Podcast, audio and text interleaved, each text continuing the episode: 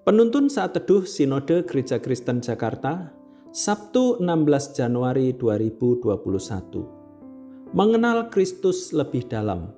Filipi 3 ayat 7 sampai 16. Tetapi apa yang dahulu merupakan keuntungan bagiku, sekarang kuanggap rugi karena Kristus.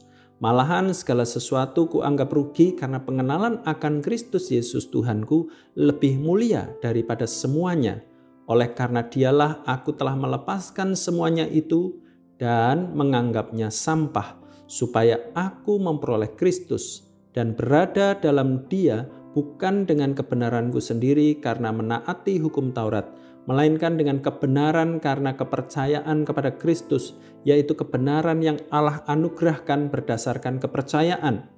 Yang ku kehendaki ialah mengenal Dia dan kuasa kebangkitannya dan persekutuan dalam penderitaannya, di mana aku menjadi serupa dengan dia dalam kematiannya, supaya aku akhirnya beroleh kebangkitan dari antara orang mati, bukan seolah-olah aku telah memperoleh hal ini atau telah sempurna, melainkan aku mengejarnya kalau-kalau aku dapat juga menangkapnya, karena aku pun telah ditangkap oleh Kristus Yesus. Saudara-saudara, Aku sendiri tidak menganggap bahwa aku telah menangkapnya, tetapi ini yang kulakukan.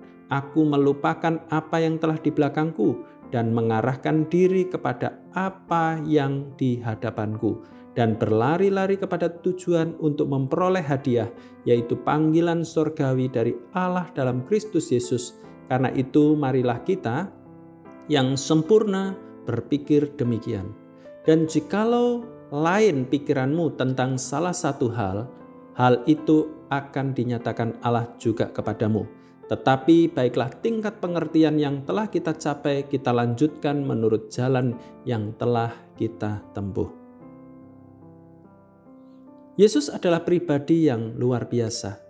Setiap orang yang berjumpa dengan Dia selalu diperhadapkan pada dua pilihan. Pilihan pertama adalah menerimanya, berinteraksi, lalu bertumbuh dalam mengenalnya. Sebaliknya, ada yang menolak Kristus. Ada juga orang yang sekiranya tidak mungkin bertobat, malahan mengalami pertobatan. Bahkan orang itu bisa menjadi sangat militan bagi Kristus. Misalnya Rasul Paulus.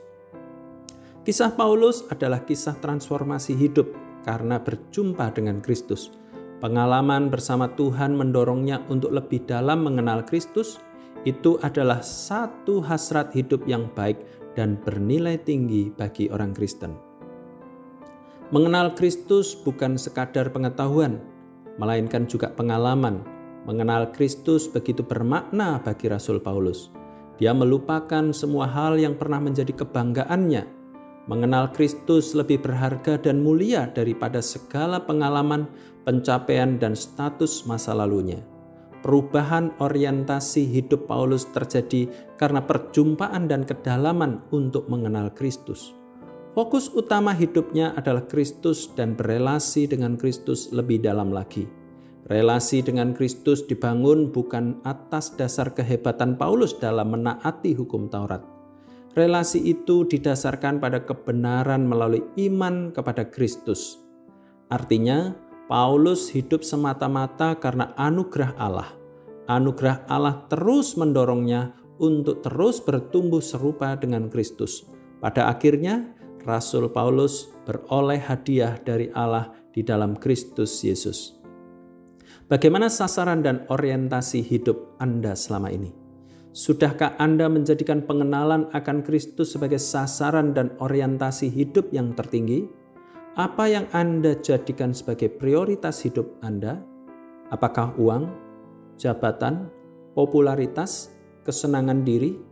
Mari belajar dari Rasul Paulus untuk terus mengutamakan Kristus dan lebih dalam mengenalnya. Mengapa?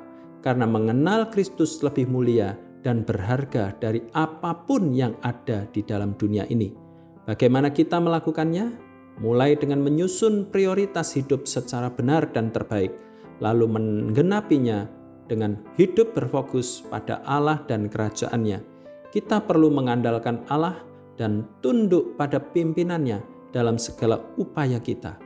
Mari membangun komitmen setiap hari untuk lebih mengenal Kristus lebih dalam. Mengenal Kristus lebih dalam adalah sasaran dan orientasi hidup yang bernilai dan patut dikejar melebihi apa pun. Tuhan Yesus memberkati.